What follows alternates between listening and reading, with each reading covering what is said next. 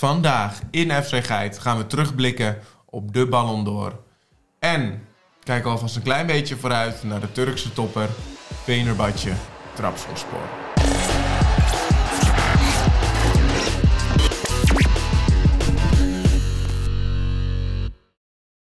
Nou, ik ben Rowan.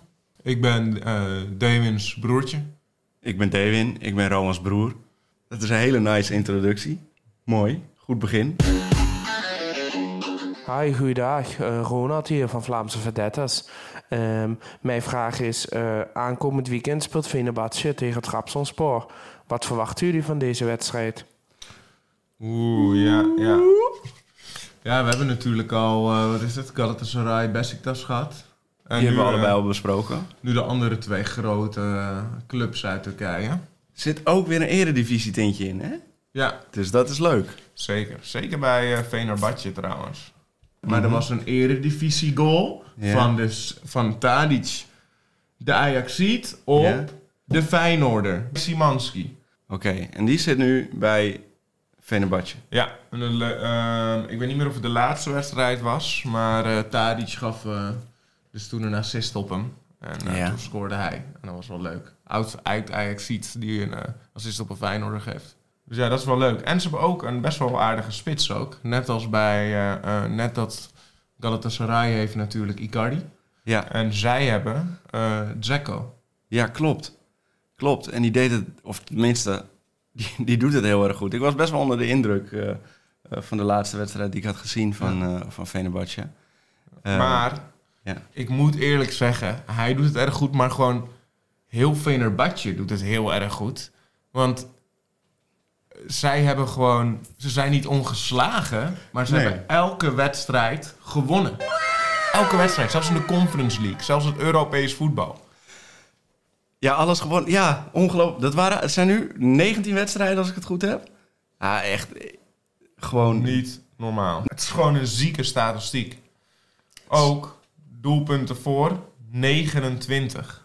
Zij hebben een doelsaldo van 24. Dat is niet niks. Nee, nee.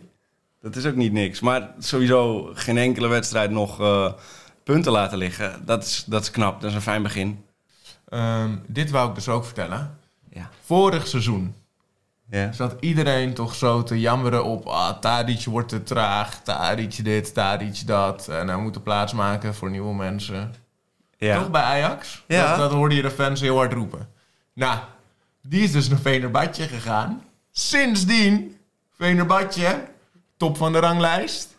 Ajax, aan de bodem. Ja. eh, De ja. Tadic-effect. Hey, Misschien wel. boze comments incoming. Nee, maar Tadic doet het daar heel erg goed. Het, het valt me op dat uh, Ajax het best wel goed doen in de Turkse competitie. Ja. Ja. ja, je kan je toch afvragen of, eh, of Ajax daar wel goed heeft gedaan dat eh Tadic weg is. Ja, en, en wat is er in die Turkse competitie dat ze zich zo lekker thuis voelen? Ja, Lachmajun. Eh, ja. Oké, ik weet niet wat dat betekent. Dat is eh, Turkse pizza. Oh, ja. Oké. Volgens mij zei ik dat met een veel te harde G ook. Die Lachmajun. Maar goed. Eh, sorry, sorry. Ik eh, probeer echt aan mijn uitspraak te werken aan dingen. En dan heb je natuurlijk aan de andere kant Trabzonspor. Ja, die zijn gewoon nog niet zo overtuigend dit seizoen. Nee, daar zit ook een, eh, een Nederlandse voetballer uh, speelt daar. Tenminste, Nederlands-Surinaams. Ja, ga door. Is het? Ja, benieuwd. ja. Uh, nou, Denswil. En uh, die komt uit voor Suriname. Die is geloof ik een jaar of 30, 31. Zoiets. En uh, die is geboren in Nederland. Mm. Die speelt bij uh, Trabzonspor, achterin. Ja. ja, eerst was er nog een heel mysterie of het kwam. Maar toen vroegen ze dus of Dens wil. En dat wou je wel. Ja. Nee, maar dat is het. Dus. Maar Trabzonspor is natuurlijk een, uh, um, is een grote club in Turkije. Zeker een top 4 club. Ja. Dat, uh, wat is het? Dat kan je vergelijken met een AZ of zo, I guess. AZ is, uh, nou ja, AZ doet overigens heel goed op het moment. Hè? Maar Trabzonspor, die staat momenteel zesde in de competitie. eh, ja, bij hun laatste vijf resultaten hebben ze één keer gelijk, twee keer verloren en twee keer gewonnen. Maar zou jij dan eh, zeggen dat ze eh, eh, eigenlijk hoger horen te staan? Zeker. Ja, ze zijn niet, eh, ik zou niet zeggen dat Trabzonspor op het moment de ploeg in vorm is in Turkije. Dus die moeten eigenlijk, wat denk je, met deze selectie een vierde plek? Ja, absoluut. Die moeten echt nog een weg eh, naar boven vinden hoor. Dus nu momenteel staat Besiktas vierde. Die mogen ook wel een plekje naar boven. Mhm. Ehm, en dan heb je gewoon weer de traditionele top 4 in eh, Turkije. Maar goed, En gaat dan de, de competitie wordt dan echt tussen Fenerbahce en Galatasaray? De nummer één. dit seizoen... Nou, laten we daar zo even op terugkomen. Oké. Want eerst Ja, ja. wil ik van jou weten wie jij verwacht dat deze wedstrijd wint. Ja, daar voor mij is het heel makkelijk. Ik denk gewoon dat Fenerbahce gaat winnen. Ja, voor mij ook. Ik bedoel, zo, ze zijn zo in bloedvorm. Ik, ik denk niet dat Trabzonspor eh de ploeg gaat zijn die de reeks gaat breken. Wat je zegt, uh, Fenerbahce is in vorm. Eh, daar heeft waarschijnlijk de hele competitie gewoon eh, het, het zwaar mee. En eh, als je blijft winnen, dan is het moreel ook goed, hè? Dat, vind ik dus nice. Zelfvertrouwen blijft omhoog. En daarom denk ik ook, gelijk mijn volgende bruggetje. Zij zitten momenteel in de Conference League. Ze staan eerste van de Super League. Daar speelt Galatasaray ook. Die staan onder hun, hebben tien eh, doelpunten minder in hun doelsaldo. Ja? Eh, en die zijn gewoon echt aan het verrassen in de Champions League momenteel. Ik denk dat er een hele grote kans is dat Venerbatje de winnaar gaat worden van de Conference League. Ik zeg het nu alvast. Mochten ze het worden, kom terug naar dit moment. Geef me mijn credits.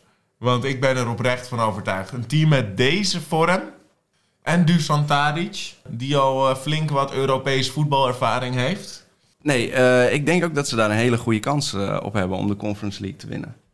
Ja, Oké, wat, wat ik ook wel leuk vond, is eh, Feyenoord. Die pakte een, deed het een paar jaar geleden natuurlijk heel goed in de Conference League. En toen stonden ze in de finale. En kijk waar ze nu zijn. Nu spelen ze gewoon echt goed in de Champions League. Is dat een voorbode voor wat er met Fenerbahce gaat gebeuren? Dat zou wel mooi zijn. Maar goed, dan komen we bij het volgende punt. Nou ja, de Super League in Turkije. Naar het behandelen van eigenlijk, eh, nu we alle vier grote teams hebben behandeld. Wie denk jij dat de Super League gaat winnen? Ja, ik persoonlijk denk eh, Galatasaray. Ik denk dat ze net iets meer eh, aanvallend te brengen hebben dan, eh dan. Ik denk dat eh Fenerbahce de Super League gaat winnen. Deze bloedvorm is niet normaal. Plus, Galatasaray speelt Champions League. Ehm, wat gewoon het hoogst haalbare podium is. eh, zeker als Turkse club. Dus daar gaat veel focus in zitten. Wat weer extra kansen gaat bieden voor Fenerbahce.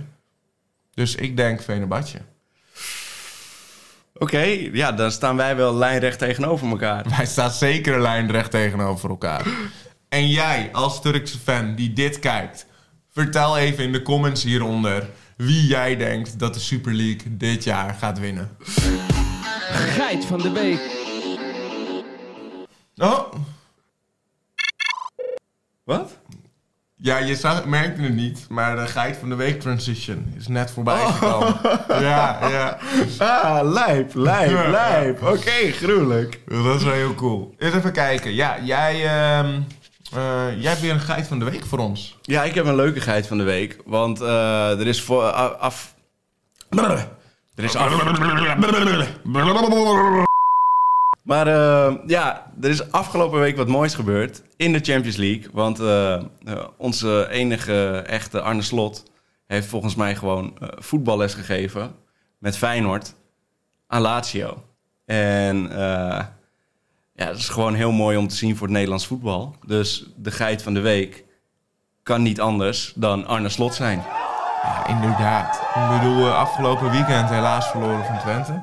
Maar in de Champions League was echt een masterclass, naar mijn mening. En de laatste keer... Het is, het is ook vet, want normaal heb je zeg maar bij een Nederlandse ploeg... Dan, eh, dan missen ze een paar kansen en dan denk je... Oeh, ah, jongen, die moet erin, weet je wel. En hoe gaan ze het nu nog wel redden? Gaan ze nu die wedstrijd winnen? En ik zat Feyenoord te kijken. En eh, weet ik veel, de eerste twee kansen in die wedstrijd worden gemist door Feyenoord. Maar je denkt gewoon bij jezelf... Oh, maar dit maakt niet uit. Dit komt wel goed. Ja, eh, de, de Je hebt zoveel vertrouwen in die ploeg. En volgens mij heeft die ploeg ook zoveel vertrouwen in hunzelf. En hoe tactisch goed ze staan en spelen. Ja, ik, vind het, ik geniet er echt van om naar Feyenoord te kijken op het moment in de Champions League. Ja, ik ben het helemaal met je eens. En de eerste helft eh, had gewoon Lazio niks te vertellen. Dus dat is echt, eh, ja, dat, is, dat is toch mooi dat is als, als Nederlandse ploeg dat je dat voor elkaar kan krijgen. We hebben het over Lazio-Roma. hè. Het is geen klein ploegje. Nee, zeker. Nee, ik ben heel benieuwd hoe, eh, ja, hoe ver Feyenoord gaat komen in de Champions League. Ze zijn wel echt enorm goed. Inderdaad, inderdaad. Dat wordt een hele spannende race. Ja, goeiedag heren. Mijn naam is eh, Ramon van der Tol van Fictioneel Voetbalblad. En eh, ik vroeg mij af, wat eh, vinden jullie er nou van dat Messi weer de Ballon d'Or heeft gewonnen dit jaar? Hi, goeiedag. Eh, Ronald hier van Vlaamse Verdetters. hey, even kappen weer. Jij bent net al met je vraag geweest. Zo. Vervelend. Maar om terug te komen op jouw, eh, op jouw Ballon d'Or vraag. Ja, ik wil eerst even bij jou. Hè? Want ik zie iets op je... Zou je heel veel willen omdraaien naar de camera? Oh, maar dit Ja. wilde ik niet doen. Ja, ja. Maar oké, kijk, eerst, ten eerste... Nee, nee, mag, ik, mag, ik, mag ik één ding zeggen? Nou, nou, één ding. Ik wil één ding zeggen. Kijk, roze is wel echt de kleur om te dragen. Zien jullie het? Oeh. Nou, ik ben benieuwd of hij het een terechte winnaar vond. Ehm, Dus, Dewin, vertel. vond ik Messi een terechte winnaar? Eh, ja, je wint het WK. Eh, je eh, gaat naar eh, Inter Miami. En, eh, eh, de- maar daar wordt het niet op beoordeeld. Je gaat naar Inter Miami, kom op. Dat is toch ook gewoon niveaus lager. Jezus. Nee, maar kijk, eh, goed, misschien dat je bij PSG niet, eh, eh, niet je beste voetbal hebt gespeeld in je hele carrière. Maar ja, je wint wel gewoon, ik weet dat dit heel controversieel is, je wint het WK en je pakt als Messi alle prijzen die je pakken kan. Dus als ik er zo even over nagedacht heb, misschien dat dit wel een terechte winnaar is. Ja, en eh, je, je ziet het bij Inter Miami. Roze is the way to go. Bij Barcelona ook. Ik sta hier lijnrecht tegenover. Ik vind de eh, overwinning van het WK van Argentinië echt een teamprestatie. En dat is absoluut niet alleen te denken aan Messi. Eh, als je een andere penalty specialist had, zou hij ook niet de ballon doorwinnen. Maar goed, dat ben ik. Nou, bij Paris Saint-Germain heeft hij het gewoon echt niet zo goed gedaan. En als ik kijk naar iemand die echt, waar Argentinië die echt op handen gedragen was, is het gewoon die keeper Martinez. Die heeft zoveel penalties gekild en weet ik veel wat. Ja, die guy is echt wel een beslissende factor geweest in, voor Argentinië op meerdere momenten. Maar die keeper is nu ook gewoon toch uitgeroepen tot beste keeper van het seizoen. Ja, ja, terecht. Terecht. Top, dat vind ik terecht. Maar, maar goed. En met die logica, hè, als iemand een World Cup wint, waar was de Ballon d'Or voor Neuer in 2014? Waar was de Ballon d'Or voor Iniesta in 2010? Die had ook prachtige statistieken, om u tegen te zeggen. Ja, eh, nou, in ieder geval, eh, keepers hebben hem sowieso niet zo vaak gewonnen. Dat is misschien eh, de vraag, is dat terecht? Daar heb je wel een, een, een goed punt. Ik denk dat soms een keeper beslissender kan zijn dan vele mensen denken. En daarin mag inderdaad af en toe wel een keeper winnen. En ja, je zegt dit nu, maar in 2010 had misschien Sneijder hem ook wel mogen winnen. Ja, zou ook een optie kunnen zijn, inderdaad. Al moet ik zeggen, op dat moment Snyder en Iniesta op dat moment gewoon allebei gewoon echt wereldmiddenvelders. Dus weet je, een van die twee eh, had ik wel heel erg mooi gevonden. Maar, maar ha. Kijk, weet je, ik wil niet terugkijken, want ik, ik vind veel van de Ballon d'Ors van Messi gewoon terecht. Maar ik vind gewoon de indruk die Haaland op mij heeft achtergelaten dit seizoen, vind ik gewoon echt bijzonder. Dat je, zo, eh, dat je in de Premier League komt van de Duitse competitie. Dus je gaat naar de allerbeste competitie ter wereld. Draait mee met een topteam. En dan vervolgens moet je het maar even laten zien of je het goed gaat doen. En die jongen scoort hat-trick naar hat-trick. En, die, eh, eh, en natuurlijk op een gegeven moment stopt dat. Maar hij heeft wel een belachelijk goed eh, seizoen gehad qua doelpunten.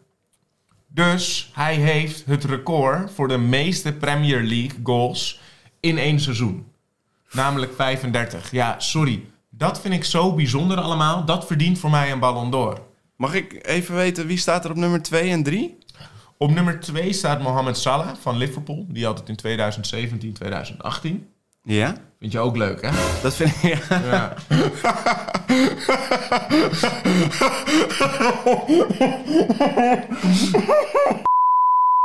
Ehm, mag ik daar wel één ding over zeggen? dat ja. dat ehm, Haaland komt wel. eh, ik weet niet of je het met me eens bent, maar ik vind dat Haaland wel echt in zijn kracht komt. eh, samen met Kevin de Bruyne. Ik vind dat je met Kevin de Bruyne Haaland nog effectiever kan gebruiken. Maar hij was ook bij Dortmund al hard. Hij was daarvoor al hard. Die jongen, ik geloof oprecht dat Haaland bij elk team kan presteren. Ja, ik ben het met je eens dat hij echt eh, heel goed is eh, met al die eh, teams. Of dat hij heel goed kan presteren bij al die teams. Dat ben ik helemaal met je eens. Maar ik vind het gewoon wel cool dat Kevin de Bruyne en Haaland... dat, is gewoon een chemie die werkt. Ja, ja zeker. Eh, wat dat betreft eh, was het wel een cheatcode. Kevin de Bruyne en Haaland vorig seizoen. Maar ja, ik, ja dus, ehm, ehm, dus laat ook even weten als kijker, als jij hier naar kijkt.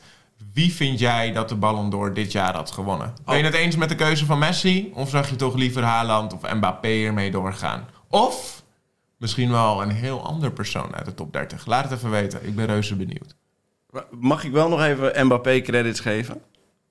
Ja, tuurlijk. Ja, die was, die was gewoon wel echt heel goed hè, bij Frankrijk. Ik, ik vind dat Mbappé Frankrijk echt naar een hoger niveau heeft gedragen eh, afgelopen WK. Ja, 100%. Als, als dit zeg maar, als we naar het WK gaan kijken, was Mbappé gewoon wel de man die voor zijn ploeg opstond en het echt liet zien. En dan vind ik, nog, dan vind ik gewoon dat Mbappé meer recht had op die Ballon d'Or met die logica dan Messi. Tik hem aan. Ja. Maar eh, Messi heeft wel terecht gewonnen. Ja, ik vond het gewoon een hele mooie zin, maar Messi heeft wel terecht gewonnen. Jezus. Iemand, iemand zet een Premier League record neer dit seizoen. Aller tijden, hè? Aller tijden. In de beste competitie ter wereld. En dan zeg je dat het nog terecht is. Het maakt mij niet uit hoor, maar eh, laat me dit wel nuanceren. Messi in zijn prime was in mijn ogen de beste voetballer aller tijden. En het voelde alsof je hem alleen kon stoppen met een overtreding. Dus 100% vind ik het ook terecht dat hij de meeste Ballon d'Ors op zijn naam heeft. Want in mijn ogen is hij ook de beste voetballer aller tijden. Maar ik denk dat het nu tijd is om even die Messi-bril af te zetten. En de jongens die de erkenning verdienen, ook even die erkenning geven. Oké, maar dan hebben we het eh, toch over... Want Messi heeft natuurlijk de meeste Ballon d'Ors ooit gewonnen. Maar toen dacht ik laatst aan een speler... ehm, die in ieder geval denk ik wel Ronaldo had kunnen evenaren qua Ballon d'Ors in zijn carrière.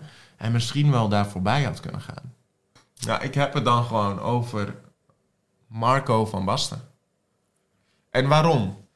Deze jongen heeft op zijn 28ste de laatste, zijn laatste Ballon d'Or gewonnen. Zijn derde. Op je 28ste zit je precies in je prime. Daarna is hij vijf maanden onder, eh, of een operatie ondergaan, is hij vijf maanden uit de relatie geweest om terug te keren in de Champions League finale tegen Marseille. Daar merkte je aan alles dat hij gewoon niet 100% fit was. Dat hij niet 100% kon spelen. Uiteindelijk heeft hij, is hij in de 85ste minuut er weer uitgehaald. En eh, was dat de laatste wedstrijd die Marco van Basten ooit speelde. Op zijn 28ste. Hij had in 400 wedstrijden 300 goals gemaakt. Bij AC Milaan in de Italiaanse competitie. Wat op dat moment misschien wel een van de best verdedigende competities aller tijden was. Ja, dat is gewoon... Mensen beseffen niet hoe bijzonder dat was.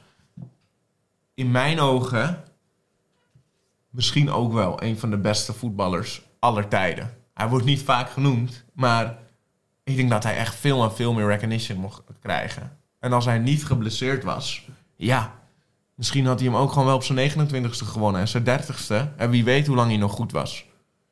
Misschien heeft hij er ook nog eentje op zijn 32ste gewonnen. Kijk hoe lang Ronaldo en Messi Ballon d'Or zijn blijven winnen. Ja, die had er echt nog wel eh, vijf of misschien zelfs wel zes in zijn carrière kunnen pakken. Ja, jij vertelde me van de week al dat er ook meerdere mensen zijn die denken dat hij dat in ieder geval had kunnen evenaren. Of misschien zelfs eh, beter had kunnen doen dan eh, Ronaldo. Ja, als ik dit zo hoor, vind ik het gewoon wel cool dat wij als Nederland ook zulke voetballers hebben gebracht. Niet normaal, hè? Ja, dat is gewoon vet. Ja, Wat een voetballers hebben wij gebracht. hè. legends. Echt niet normaal. Ja, vet man. Maar goed, genoeg over oude voetballers. Hoeveel Ballon d'Ors denk jij dat Marco van Basten had kunnen winnen? Vond jij dit nou... Wow. We zeiden Zeiden precies hetzelfde- hetzelfde. Vond jij dit nou een leuke podcast? Eh, luister op je favoriete platform, abonneer en deel hem met je vrienden. En natuurlijk eventjes liken. Eh, hartstikke bedankt voor het luisteren en we zien je volgende week.